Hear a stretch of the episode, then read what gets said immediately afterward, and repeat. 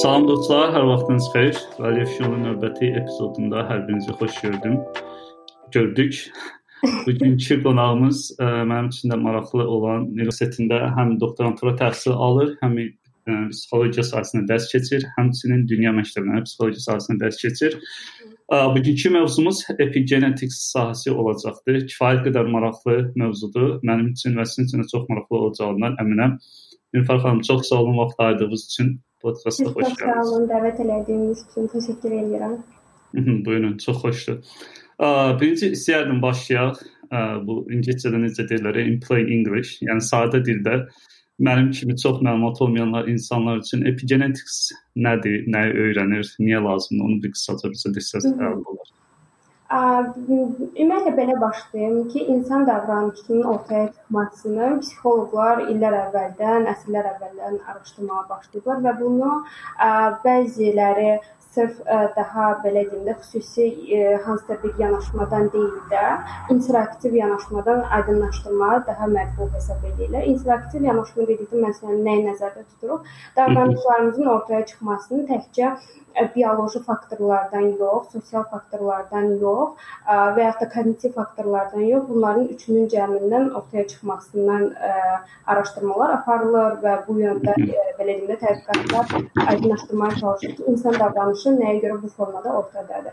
Epigenetics də bunlardan biridir, hansı ki, burada sırf e, genetikamızla ətrafdakı olan faktorların bir-birinə qarşılıqlı münasibətinin insan üzərində hansı effekti olduğunu və davranışları hansı formada formalaşdırdığını aydınlaşdıran bir elm sahəsidir. Buna əsasən deyə bilərəm ki, epigenetics bioloji yanaşmanın daxilində olan bir ə, necə deyim, xırda bir fielddir, bir sahədir, balaca bir sahədir. Ümumi baxsaq, daha ümumi yanaşmadan başlasaq, biz ə, bioloji yanaşmanı izah eləməliyik. Daha sonra beynin hansı strukturlarını, strukturunda olan hansı dəyişikliklərin davranışlarımızı nə yöndə təsir eləməsini deyə bilərik. Yəni bu formada Başa düşdüm. mən özüm ə, araşdırma edirdim, bir ə, layihəm var. Burada araşdırma edirdim.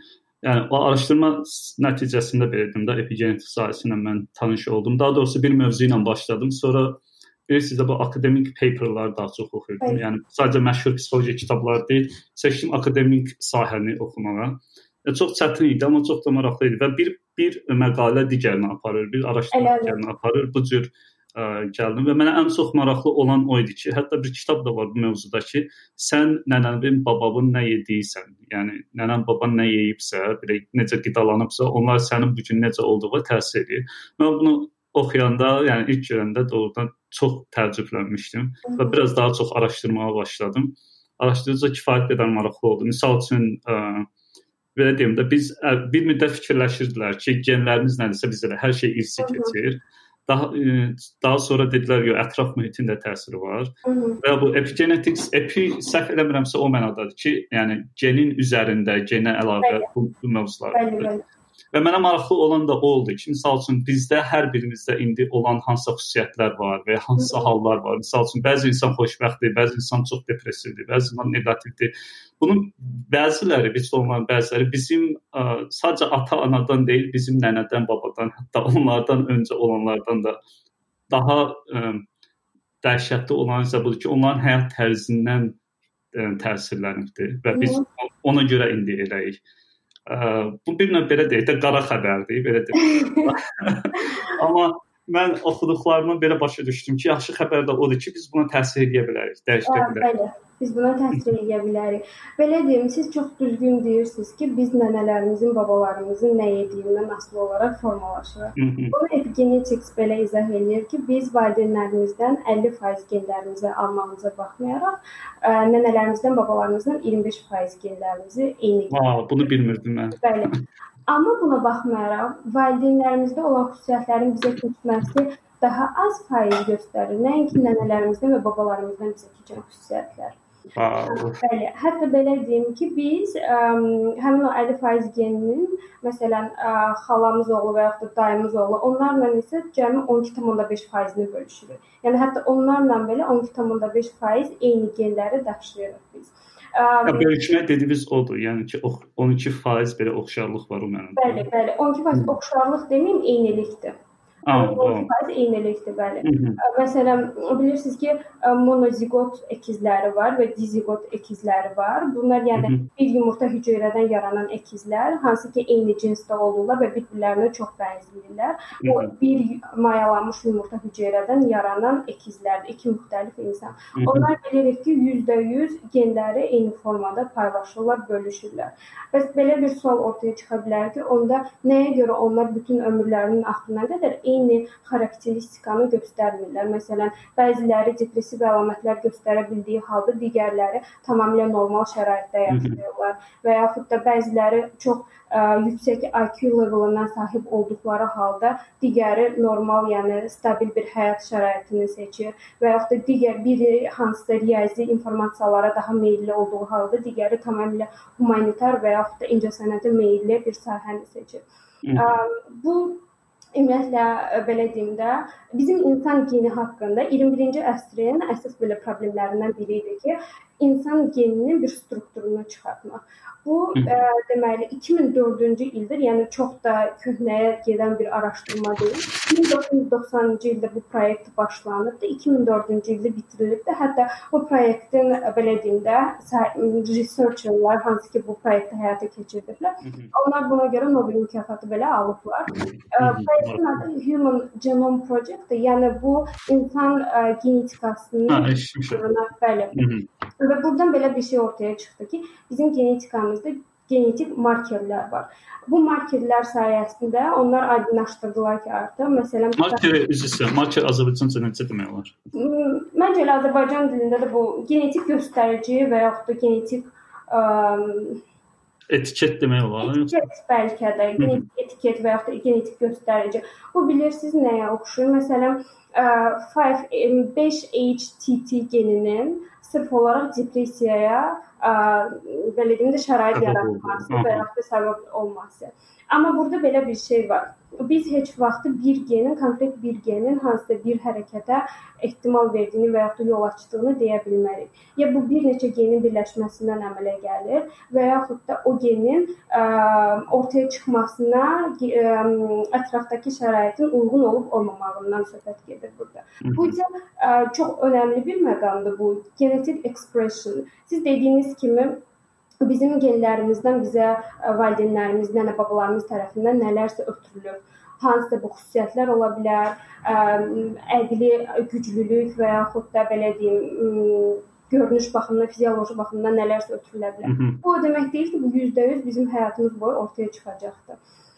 Bunu epigenetics araşdırır və belə bir şey ortaya qoyur ki, bizim ətrafımızda baş verən hadisələr, bizim yeməyimizdən tutmur, qidalanmağımızdan tutmur, məsələn, tutaq ki, işlədiyimiz şərait bizim sosial imkanlarımızın, maddi imkanlarımızın yaxşı və yaxud da pis olmağı, bunlar hər biri buna təsir edən faktor. Ailə ailə arası münasibətlər, ailə travmaları və yaxud da uşaqlıq vaxtı keçirdiyimiz stresslər və yaxud da həyatımızda baş verən hər hansı bir stressli şərait, bu evlənmə ola bilər, boşanma ola bilər, bir neçə faktorlar var ki, bunlar mütləq şəraitdə təsir eləyir ki, həmin genlər ortaya çıxsın və yaxud da çıxmasın. Bu genetik markerlər də müxtəlifdir. Məsələn, depressiyaya uyğun artıq 11 genetik marker var ki, genetik göstərici var ki, bunlar artıq insanda tapılırsa, onların depressiyaya ə, mütləq deyil ki, mütləq onlar depressiv ə, hal yaşayacaqlar həyatlarında. Ehtimal çoxdur. Amma hal çoxdur. Onlar belə deyim, ə, səhv eləmirəmsə indi tutulubdu. okay. Bunu da qeyd edeyim ki, ə, Bəzən olur ki, genlərdə genetik markerlər buna ehtimal yaradır ki, həyatımız boyu hansısa e, psixoloji, psixi və yaxud da fiziki bir xəstəlikləri biz yaşayaq. Bəzən də onu bloklayan genlər biz daşıyırıq ki, əksinə bunun qarşısını alır ki, həmin gen ortaya çıxmasın. Yəni və ikinci bir tərəfdən bunu həmişə genetics insanlara çatdırmaq istəyir ki, bunu heç vaxt səhv salmayın ki, e, biz genlərimizlə davranışları belə deyim də miras qoymuruq. Öncə bizdən sonrakı nəsillərə biz genləri sadəcə miras qoyuruq. Davranışın çıxıb çıxmaması isə artıq belə deyim də ətrafda verən şəraitdən asılıdır. Eynən. Mhm. Okay. Um Bəs mümkündür ki, yəni belə bir şey var ki, məsəl üçün bir insan ə, necə bilə bilər ki, ondakı hansı, yəni yaxşı xüsusiyyətlər nəsə, ondan heç kimə etiraz yoxdur. Mənfi olanlar, məsəl üçün mən məsəl üçün elə bir metodu yolu varmı ki, mən o, o vasitə ilə və ya ki, dinləyicilər deyək ki, onlar necə bilə bilərlər ki, ə, onlar genetik olaraq nəyə daha meyllidirlər və ya nə daha miras qalır. Nəsə bunun bir metodu yolu var.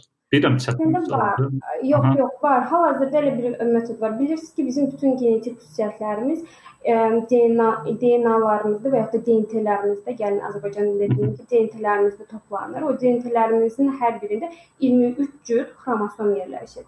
Və o xromosomların hər biri 20-26 min ə, ümumilikdə genlərin daşıyıcısıdır və bu genlərdə belə deyim də siz sadəcə ya ə, qan testi verməklə o genlərin nəyə uyğun olduğunu, nəyə uyğun olmadığını, hansı genetik bir zəifliyiniz olduğunu, hansı bir xəstəliyə qarşı ortaya çıxarda bilərsiniz. Amma burada bir önəmli nüans var ki, ə, ümumiyyətlə insanlar bu kimi şeyləri etdikdən sonra, bu kimi testlərin nəticələrini əldə etdikdən sonra fərqi yoxdur o testin nəticəsi nə olursa olsun, orada artıq hansısa bir xəstəliyə cüzi də olsa, ə, belə deyim, meyillilik göstərdikdə artıq psixoloji olaraq özlərini manipulyasiya eləyirlər ki, həyatları boyu mütləq şəkildə bu xəstəliyə nə vaxtsa tutulacaqlar.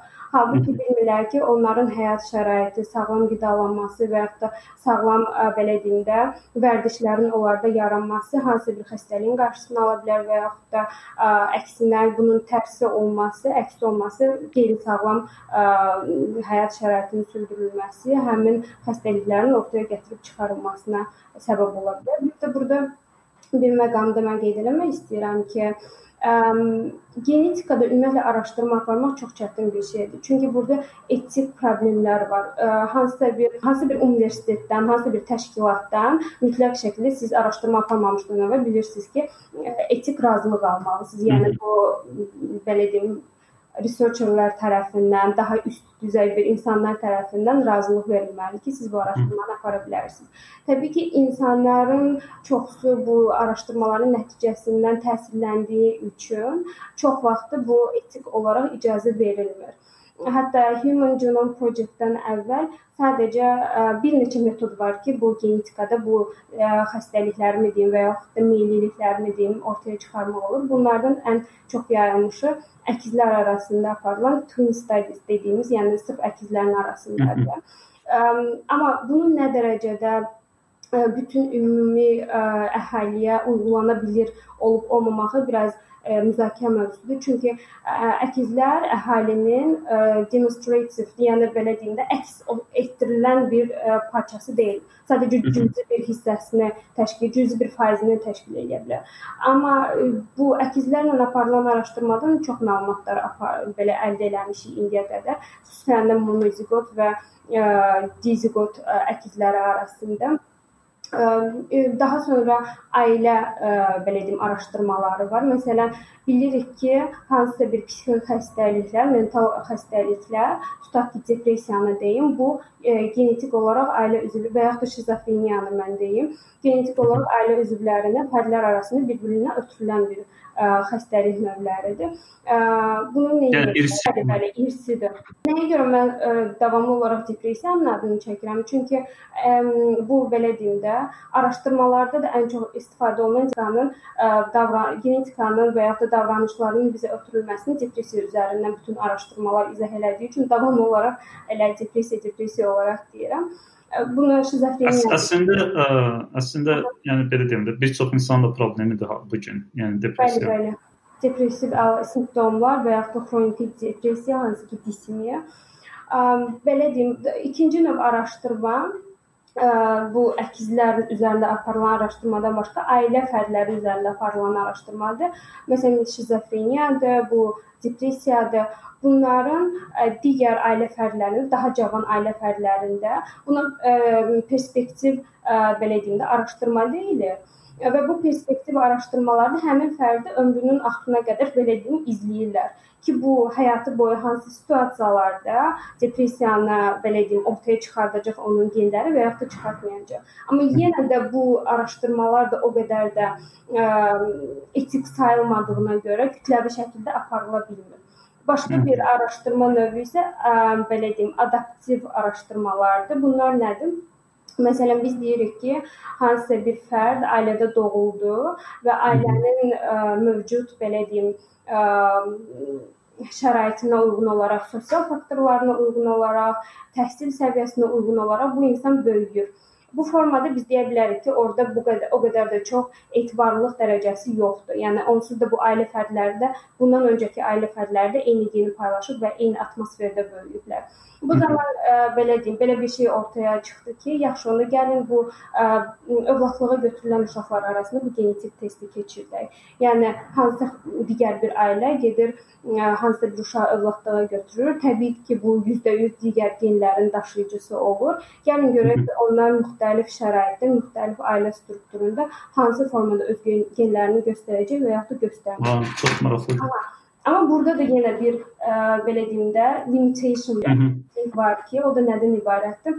Adətən burada seçici bir ə, davranış mövcuddur. Seçici davranış nədir? Bu uşaq evlərində işləyən mütəxəssislər daha çox uşaqları öz ailələrinə uyğun strukturda olan ailələrə ə, belə deyim, övladlığa götürməyə icazə verirlər. Məsələn, maddi durumu çox aşağı olan ə, yəni belə deyim də uşağın əvvəlki ailəsinin strukturları ilə və yaxud da onların prinsipləri ilə növbəti gələcək ailəsinin strukturu və prinsipləri şəraiti eyni olur. Bəli, eynilik olur və buna görə də bu da çox etibarlılıq dərəcəsi yüksək olan ə, belə deyim proyektlər və yaxud da layihələr və yaxud da araşdırmalar hesab olunmur. Hı. Amma bundan başqa ən belə üst düzey, ən belə yüksək səviyyəli proyekt indiyə qədər Human Genome Project sayılır.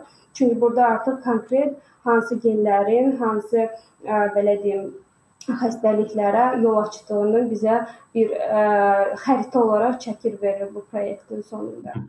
Əla, super. Mən ə, bir növ intervyuya hazırlaşmaq üçün ə, ev tapşırığımı edirdim dünən. yəni onsuz əvvəl də araşdırmışdım. Dünən də ə, yenə baxdım bir neçə video. Yəni ki, epigenetik sahəsini sahəsi bunu deyir ki, indi tam düzgün başa düşmüşəmsə, biz ə, keçmişimiz ə, yaxşı olmaya bilər. Yəni belə deyim də şəxsi keçmişimiz. Məsəl üçün deyək ki, 30-35 yaşında bir insanın o, o indiyə kimi belə deyək, yaddaşı, analitik düşüncəsi və yaxud da ki, ə, elmdə və ya hansı sahədə öyrənmə, qavrama, anlama bacarığı yaxşı olmaya bilər. Hətta bunun ailəsi də belə ola bilər və, ailəsinin ailəsi də, yəni belə deyək də nəsil olaraq baxsaq daha uzun müddətdə belə ola bilər. Amma insan özü öz üzərində işləməklə, ə, yəni bu öz üzərində işləmək epigenetik sahəsi prizmasına baxanda çox şey ifadə edir. Özünü hardasa ciddi ölçüdə dəyişə bilər, yəni yaxşı mənada həm sağlamlıq olsun, həm koqnitiv ə, bacarıqlar olsun, həm IQ olsun, həm EQ olsun, ə, yəni insanlar sosial münasibətlər olsun və s. və axır ham ə, yəni belə deyək də hardasa insanın limiti ə, özünün özünə nə qədər tərzini belə deyək də belə deyim ə, dahi dahi tərəfini ortaya çıxaracaq və yaxud da ki, cəsarətli tərəfini ortaya çıxaracaq, ağıllı tərəfini ortaya çıxaracaq və ya o genləri ə, oyandıracaq həyat tərzini və disiplinləri və rejimləri özünə qədər belə deyək də tətbiq edəcəyinə bağlıdır hardasa. Bu sizin izah elədiyiniz tam olaraq diatesis stress model belə bir model var. Siz bunu çox qəşəng izah elədiniz. Yəni bizim genlərimizdə nələrsə var, bəlkə də onlar çox qiymətlidir. Amma biz elə ailə ə, həyat şəraiti seçə bilərik ki, onlar ortaya çıxmaya bilər. Bu daha çox onda ə, bizim ətrafımızda olan insanlardan asılıdır. Məsələn, belə bir şey var ki, siz ətrafınızda olan insanların 5 insanın ən çox vaxt keçirdiyiniz 5 insanın cəmindən ibarət.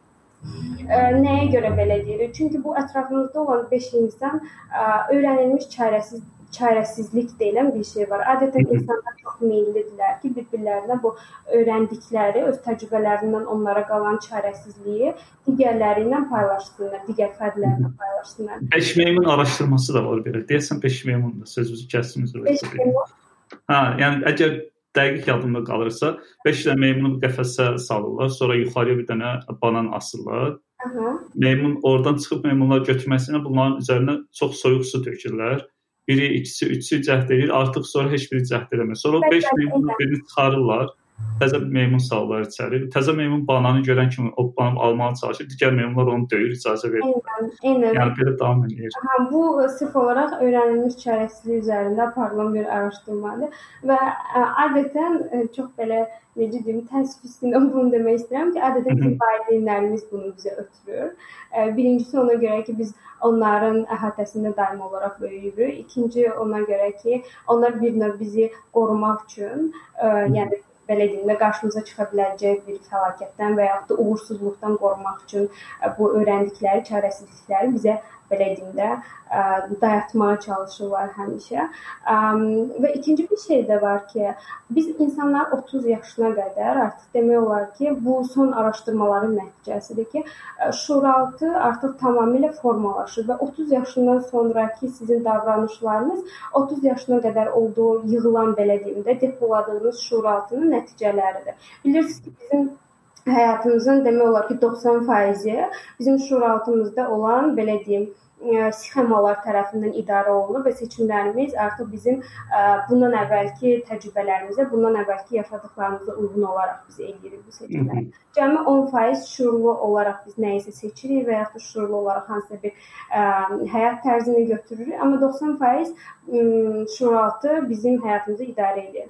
Buna görə də həmişə mən bunu tələbələrimə də deyirəm ki, mümkün qədər mənfi informasiyalardan qaçmaq lazımdır və mümkün qədər ə, mənfi şeyləri insanlar gərək özlərinə yaxın buraxmasınlar ki, o beyində strukturlaşmasın, oturmuş bir mexanizmə çevrilməsin ki, ə, yəni qarşımıza da eyni formada hadisələr və yaxud da insanlar çıxmasın. Çünki bu təkrarlanan bir çarxdır. Biz artıq o çarxa düşdüksə, oradan çıxmaq çox çətin bir prosesdir. Gərək ə, siz o çarxa düşdüyünüzün fərqində olasınız ki, ancaq o çarxdan çıxa bilərsiniz və belə deyim, əksər hallarda 70-80% hallarda insanlar o çarxa düşdüklərinin fərqində olmurlar.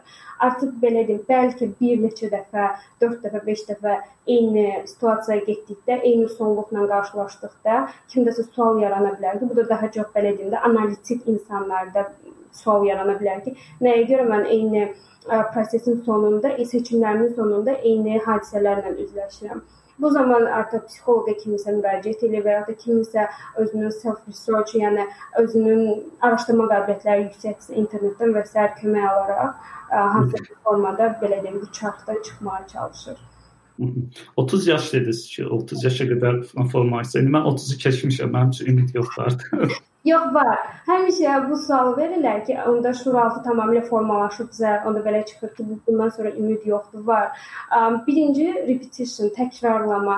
Um, əgər biz nəyə görə 30 yaşına qədər artıq şuraltı formalaşır? Çünki biz təkrar-təkrar eyni şeylərə baxırıq, eyni insanların ətrafında oluruq. O insanların ideyaları bizim artıq beynimizə yeridilir. Bu təkrarlanan bir ə, e, belə deyim də prosesin sonunda artıq formalaşır. Ə, e, siz də 30 yaşdan sonra və ya belə cavan yaşlarınızda o ə, e, belə deyim təkrar edərək istədiyiniz həyat şəraitini əldə etməyə çalışsanız, artıq sizin şuuraltınızda o fokus belə deyim də oturmuş mexanizmlər, sxemalar dəyişəcək və müsbətləri ilə əvəz olunacaq. Və yaxud da meditasiya burada çox kömək eləyir. Yoga məsələn, hətta yoga ilə repetition bu təkrarlama eyni zamanda olanda bu çox gözəl təsirləri olur.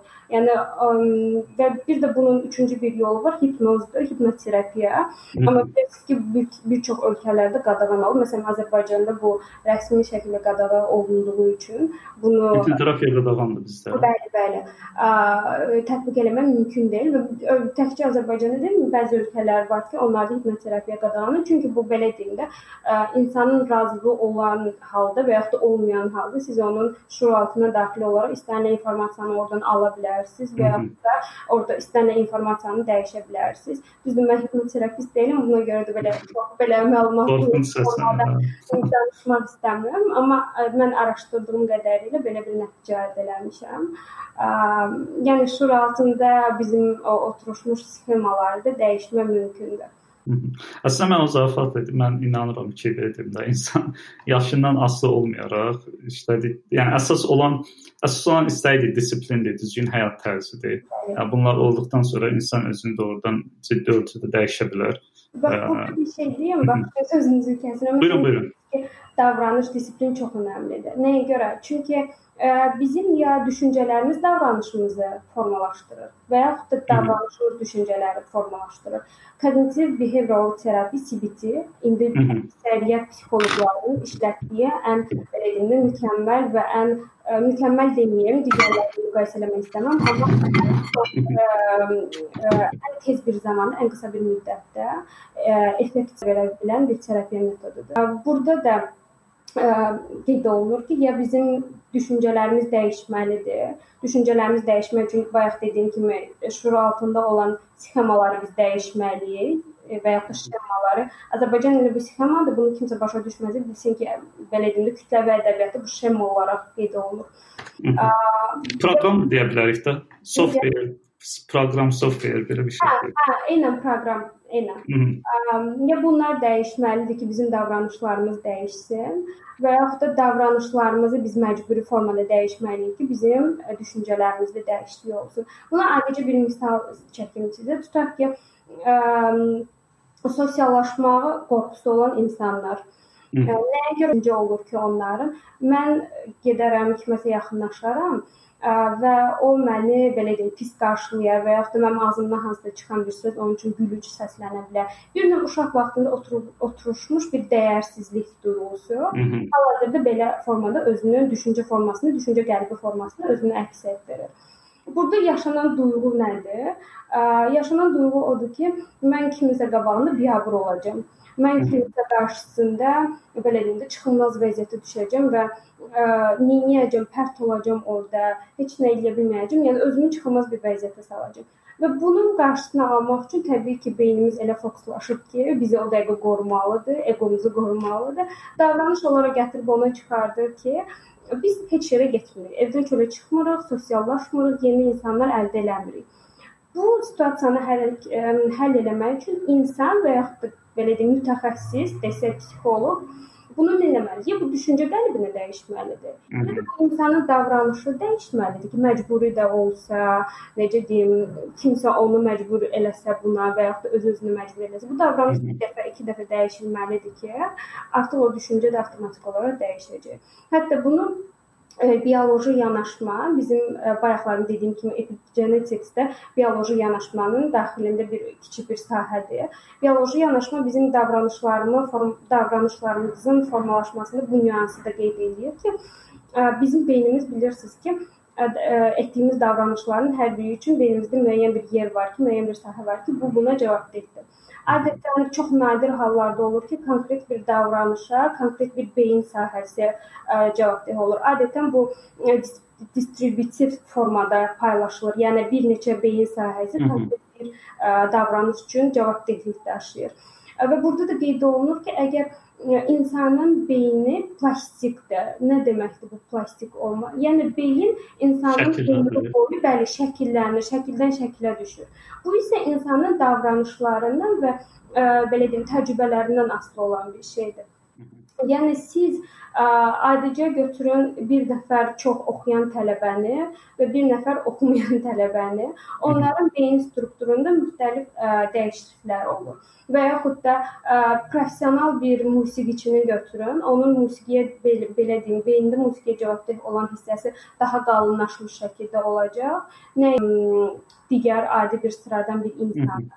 Bunun üstündə çox araşdırmalar var. Neuroplastisiti, neuroplastisi, neuro yenə kəsilir. Bu neuroplastisiti, neuroplastisitidir. Yəni Azərbaycan Azərbaycan tam məmləkətə deyilir. Nevroplastiklik bilmirəm demək olar yoxsa yox. Bəlkə qismən demək olar. Yəni ki, bilirsiniz, bunun üstündə ən son belə bir maraqlı araşdırma keçirdik və 2002-ci ildə bu yox səhv səhv elədim, 2009-cu ildə bu Londonda keçirilib. Londonda bəli, bəli, taksi şoferləri arasında. İstəyirsiniz siz danışın onu. Siz danışın, siz məndən daha yaxşı bilirsiniz.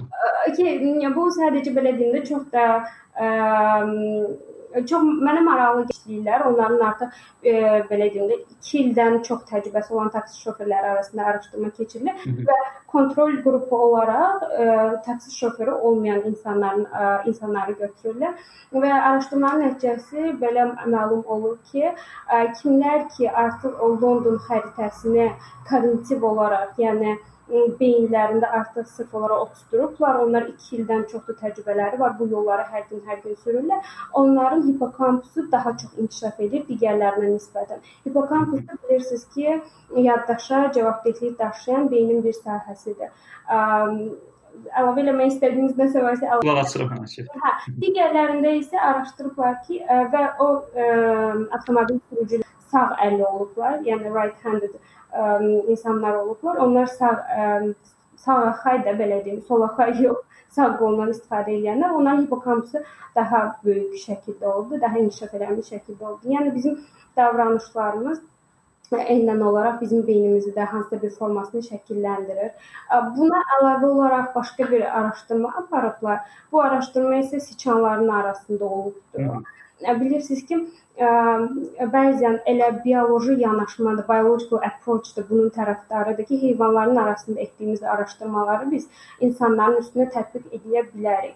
Hal-hazırda digər yanaşmalar buna nə dərəcədə etik yanaşır və ya da qeyri-etik yanaşır, bu artıq digər müzakirə mövzusudur, amma bioloji yanaşma bunun tam olaraq tərəfdarıdır. Nəyə görə? Çünki ə, burada belə deyim də, ortaya atılır ki, belə bir müddəa biz məməlilərlə demək olar ki, çox oxşar genləri daşıyırıq. Məsələn, şimpanzelərlə hardasa 97%, sıçanlar isə belə deyim, sıçanlar isə 90 sıçanlarla isə 99% biz eyni genləri daşıyırıq. Sonra deyirlər meymun. İstəyirsiniz bunu danışandan sonra orada keçərəm. Deməli, belə bir araşdırma edirlər sıçanlar arasında. 11 ədəd sıçan olan 2 dənə qrup götürürlər. Bir qrupda, daha doğrusu yox, bir qrupda 11 ədəd sıçan olan qrupa bir dənə yeni sıçan əlavə edirlər. Digər sıçanı isə boş bir qutuya salırlar və 30-60 gün arasında bu ə, belə deyim də müşahidə davam elətdirilir həmin ə, siçanların arasında. Və daha sonra siçanları ə, dərman vasitəsilə öldürürlər, belə deyim, və öldükdən sonra laborator şəraitdə onun nəticələrinə baxırlar ki, bu siçan hansı ki digərləri ilə əlaqədə olubdu, belə deyim də daha sağlam mühitdə, daha sağlam şəraitdə, daha ə, insanlar belə digər siçanların ətrafında onlarla qarşılıqlı əlaqə şəklində həyatını yaşayıb 30-60 gün, onların o prefrontal korteksi daha yaxşı inkişaf edibdi.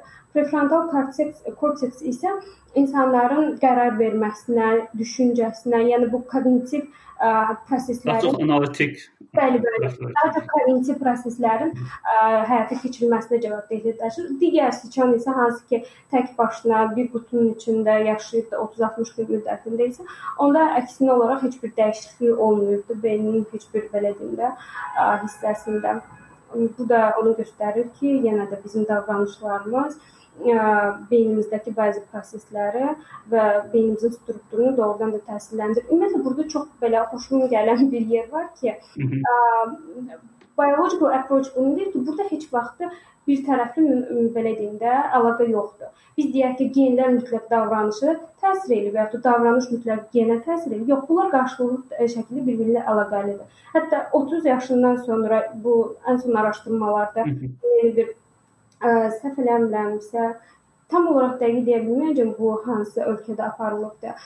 Yeni bir şey ortaya qoyuldu ki, deməli biz necə ki deyirik 30 yaşına qədər bizim şüuraltımız artıq formalaşır və s. bizim yaşadığımız təcrübələr pis və yaxud da yaxşı fərqi yoxdur. Onlar bizim artıq DNT-lərimizdə oturur. DNT-lərimizdə formalaşır. Buna görə də bizim davranışlarımız genlərimizi təsir edir genlərimiz davranışlarımıza təsir edir. Ətraf faktorlar, sosial faktorlar da yenə bizim davranışlarımızı da hamısı bir-birindən hər hər şey bir-birindən asılıdır. Yəni interaktiv belə deyək də bir şey. Mən ə, Harvard Universitetinin professoru məşhur bir sözü var. Yəni çox çox əla bir sözdür. Deyir ki, hiss edib sonra hərəkət etmir, hərəkət edib sonra hiss edir. Yəni ki, bu insanlar deyir ki, mən necə edim ki, özümü həvəsə gətirim və necə edim ki, məsəl üçün kitab oxuyum, necə edim ki, idman edeyim. Yəni gözləmək o hiss yaransın, sonra idman edeyim. E, o da olur, siz dediyiniz kimi. Amma daha yaxşı olan yol odur ki, necə edim sualın cavabı ilə etdir. Yəni sən onu et, hiss özdə yaranacaq. Məsəl üçün həvəsin yoxdursa, həvəsin ə, olsun, sonra başlayım dedin, o işi başla, həvəslə gələcək. Məsəl üçün mən özümün belə bir belə deyim, özümə tətbiq etdiyim bir qaydam var. nəyisə eləməliyəm və eləmək istəmirəm. Bunu hər gün edib edirəm desəm yalan olar, amma edəndə nəticəsi olur. Yəni deyirəm ki 10 dəqiqə edəcəm. 10 dəqiqə sonra hələ də yenə yaxşı özümü hiss eləmirəm, eləməyəcəm. Və normalda 10 dəqiqədən sonra artıq dayanmaq istəmirsən. Çünki belə deyək də hərəkət hərəkət o hissi yaradır. Bir də ə, mən o ə, başqa araşdırma oxumuşdum. Bu daha çox fokuslanma ilə əlaqəli idi, distraction ilə əlaqəli idi. Yəni ə, belə deyim də deyir ki, biz nəyi daha çox ə, məşq ediriksə, siz dediyiniz kimi təkrarlama, nəyi daha çox təkrar ediriksə, onda ustalaşırıq. Məsəl üçün hər hər hər saat hər saat ərzində 5 dəfə Facebook, Instagram yoxlayırıqsa, biz artıq beynimizin fokuslanma fokuslanmaq üçün belə deyək də, fokuslanmamıza kömək edən o neyronları, genləri və s. və axır bir növ ə, qoyuruq arxaya. Yəni ki, onları artıq işlətmirik. Saxlayırıq bilmirəm nə vaxt işlədəcəyik. Yəni bizi fikrimizi dağıdan, bizi yenilik axtaran, beynimizin yenilik axtaran tərəfini aktivləşdiririk və sonra da belə deyək də bunu motivasiya ilə, pozitiv düşünməklə və s. bərpa edəcəyimizi sanırıq. Hansı ki, belə deyək də sonunda bir ümid olmayan yanaşmadır bu. Yəni bu ki nə biz ə, məşq ediriksə, nəyi daha çox təkrarlayırıqsa, ona aid neyron deyirlər, səhv eləmirəmsə ingiliscə. Yəni ki, bir növ belə deyək də, sadə dildə desə, o o genlər aktivləşməyə başlayır birinci. Sonra onlar o genlər arasında öz sistem neyronlar arasında ə, əlaqə güclənməyə başlayır. Bir növ belə deyək də, komanda halına gəlirlər. Eynən. Və ondan sonra da o bacarıq sən o bacarığı da özündə özündə çox əla bir səviyyədə formalaşdırmış olursan. Aha, eynən mən sizinlə tamamilə razıyam. Yəni daha çox hansı istiqamətdə iş görürüksə, bayaqlarım dediyim kimi, məsələn, iki tələbəni götürsəniz, müqayisə etsəniz, biri daha çox oxuyan, digəri isə belə deyim də daha az oxuyan tələbə olarsa, bizim öyrəndiyimiz hər bir şeydən sonra beynimizdə neyronlar yeni bir iz buraxır. Bu iz nədir? Orada yeni belə deyim, neyronlar arasında əlaqəyə görə yeni dendritlər əmələ gəlir və bu dendritlər daha çox böyüyür və şaxələnməyə başlayırlar. Və bu da onların belə deyim, arasında ötürücülüyü gücləndirir. Bilirsiniz, nə qədər ötürücülük güclü olarsa, nə qədər bir-birinə tez ə, məlumatlar bir-birinə ötürülərsə, bu beynin funksiyası daha tez olur və daha ə, yaxşı nəticələr əldə etməyə olur. Nəinki digəri. Digəri artıq belə deyim, beyinlər, beyin hüceyrələri passivləşə, passivləşə gedir. Artıq ə, nə biz genetikamızdakı olan o genetik markerlərə şərait yaratmırıq ki, onlar özü ortaya çıxsın. Nə də ki, beynimizdə hansısa bir dəyişiklik aparmırıq ki, yeni bir şey ə, həyatımıza yeni bir şey, məlumat deyim və ya yeni bir ə, hobimi əlavə edək. Yəni ə, belə bir şey var ki, hər insan fərqli şeylərdə belə də daha yaxşıdır. Yəni o, o indi bu dinləyicilər üçün də yəni aydın olması baxımından bu burada biz demək istəmirik ki, e, hansı sahəni istəyirsən, o sahəni seçim misal üçün orada olimpiyadada qızıl medal ala bilərsən. Belə bir şey yoxdur, amma ki e, bugünkündən daha yaxşı olmaq, yəni 100% mümkündür. Bunu belə deyək də, həm təcrübədə də var bu, ə, həm elm, elmi olaraq da təsdiqlənibdir artıq ki, nəyin üzərində işləsən, başla bilərsən. Mən bir yaxşı yanaşma da yanaşma deməyim, bir növ izah tərzidə oxumuşdum mövzunu. İndi mən özüm kənddə böyümüşəm, kənd uşağıyam.